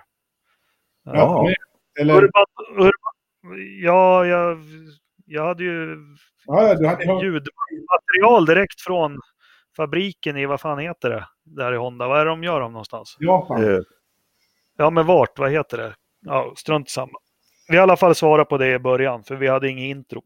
Eh, Urban Dorbell frågar något som jag också frågar mig. Var det inte en unsafe release på Max? Jo, det tycker jag verkligen att det var. Ja, men visst var det det. Alltså det, det var precis exakt på gränsen. Jag vet inte om det är... Alltså den här breda depån och så vidare, de hade kontroll på det, men det är klart att ja, jag tycker nog också att det där var en helt klart en unsafe release. Eh, det tycker jag med. Ridderstolpe? Jag tyckte de var väldigt snälla i bedömningen och, och, och låta det passera. Ja. Ja, tydligen så kommer svaret att det finns two lanes in the pit straight. The fast lane and the in lane. Ja, Ja. jo men det gör ju det, men... eh, Ja. Mm, Ja. Fast det är väl längre fram i och för sig. Olof Raneryd frågar varför McLaren helt plötsligt är mycket bättre för Alonso är borta från teamet. Jag tror inte det har med det Jag tror bara man liksom har fått ordning på folk och organisation och allt. Jag tror att det har, har med Alonso att göra. jag är också Oscar- helt övertygad om att det har med Alonso att göra. Klart har. Oskar Lind frågar, borde veckans Verstappen byta namn till veckans Gasly? Nej, kommer inte jag. Nej. Nej, Eh, Tommy Törnqvist eh, svarade på det. Joakim Fagerlund igen, vem vinner penalty points-ligan i år? Ingen aning. Nej, men han, eh, alltså, om, om, om vi hade med F2 här, som vi inte har sett riktigt. Eh, jag såg faktiskt ett, ett F2-lopp eh, i, i helgen. Men han Indien där, som jag inte kan uttala namnet på, han lyckades ju fixa 12 poäng på ett lopp. Och, och, så att det är ju riktigt bra jobbat. Men annars måste jag ju säga att Fetter ligger ju rätt bra till, gör det inte det? Ja, kanske. Ja, vi får se. Ja, nej, jag har ingen koll. Vi får... Ja, ja, men eh, nej, jag tror på Grosjean kommer starkt här på slutet. Ja, jo, det är klart. Han är ju alltid en bubblare naturligtvis. Men, men du, du Jakob, alltså, du sitter inte och hittar på frågor. Har vi så här många lyssnare som ställer frågor? Ja, vi har det. Den sista nu. Mitt batteri börjar ta slut. Men Joakim Fagerlund, jätteroligt. Ni vet det här är B- Boeing-planer som man fått ställt på backen. 373 Max. Ja. Eh, Det har bytt namn till 373 VET. Det tyckte jag var jättekul. Jättekul. Eh, bra det. Du, jag har 14% i batteriet. Eh, veckans förstappen, då börjar jag. Alla är dumma jävla bildproducenter. Eh, först när det var jättespännande på Silverstone så visar de publiken. Det är helt oacceptabelt. Jag vet inte, så var det väl på Sky-sändning och Channel 4 också. Ja, det var ju vär- världsfilen. Det är, det, det är din bästa förstappen någonsin. Hade inte du Ja. tagit den så hade jag tagit den. Och sen, eh, sen eh, så tittar man lite på Toronto-racet där. Vi som följde Felix när Bourdais körde, Bourdais körde in i muren. Då börjar de filma en jävla vybild i en och en halv minut över hela Toronto. Ja, de hade ingen koll överhuvudtaget. Jag såg det där från hans ombord faktiskt. Ja, så det är mina veckans förstappen. Ridderstolpe. Jag kan inte toppa det eller ens komma i närheten bara för jag är inte så smart så jag tänker på att bildproducenterna borde bli veckans Verstappen för så jävla klantiga som de var. Eh, konsekvent över helgen är, är ju faktiskt makalöst. Jag tycker bara att Giovanazzi var, var värd för att han förstörde hela Formel 1-loppet. Det blev fan lite tråkigt en stund. Det började Han ju rätt fel. bra tills han, tills Han han, han, han, han, han blev blöjnödig och började leka i sandlådan. Då, då, då förstörde han ju hela loppet. Fan ta honom. Gud vad elakt du är. Ja. Ja, jag vet. Ja, Lövström. Nej, men eh, Giovinazzi var mitt självklara val överhuvudtaget, eh, eh, förutom bildproducenterna där. Ni har tagit de två. Så att, det finns ju bara en till egentligen som kan eh, vara rejält eh, förstappig. Den här... Eh, Marcus. Tärnström på autobahn. Ja, Tärnström som inte vet vad han är naturligtvis. Men, men nu, nu pratar jag faktiskt om Sebastian Vettel. Jag menar, kom igen. Ja. Det, det var, han är också en helt klart värdig förstappen. Som han dessutom kör in i. Så att, eh, så, Ni vet väl att Giovinazzi hade fel på bilen? ja, självklart. Ja, Jo, men det, det, det är det roliga var att han sa i intervjuerna, han bara, när den kom tillbaka till depån så såg jag att det var punka. Men teamet säger att det var break by wire-systemet, så liksom det... Ja. Jag kom tillbaka till det på när jag såg att framvingen var helt trasig. Fan vad konstigt. Mycket märkligt. Det var sand i, i, i kylan också. Ja, eller hur? sand, sån här, Sten- ja, sten- lekakulor.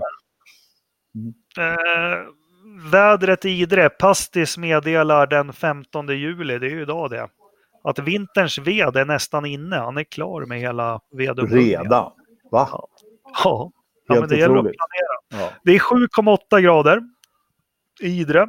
Eller Ollarsliden, eller jag har ingen aning. Men du, det är fler än jag som hela tiden får upp reklam för Idre och, och grejer. Det, det är sånt här du jobbar med, Ridderstolpe, smart marknadsföring. Eller? Ja, fan bra det där. Alla Forsa-medlemmar får fjällvandring i Idre får de i sin feed hela tiden. Förlåt. 7,8 grader, det har varit 13,6. Så det har faktiskt varit varmare i Idre idag, än, eller i Ollarsliden eller, eller Grövelsjön. Det har varit varmare där än i Västerås. Men fan, det har pipit iväg i datorförrådet. Tänk på att det är 7,8 grader ute. Vad tror ni det ligger på? Borde det ligga på? i datorförrådet? 15,3. 21,2. Nej, 23 och de har faktiskt Mm. varit uppe på 25,8 idag. Så jag tror. Pastis har problem. Pastis har problem. Helt otroligt. Ja, vad fan. Ja, vi får forska det här. Ja. Hörni, från jordens alla hörn. Ja, Eh, det är en ynnest att få dela ett par timmar med, med er och med alla lyssnare. Men nu är det tyvärr över för den här veckan. det är för jävligt. Ja, på återhörande nästa vecka. Ja, ha det så bra så hörs vi. Tack för att ni lyssnar. Far åt helvete. Ja, hej då. Hej. Vänta, har jag stoppat den här? Nej.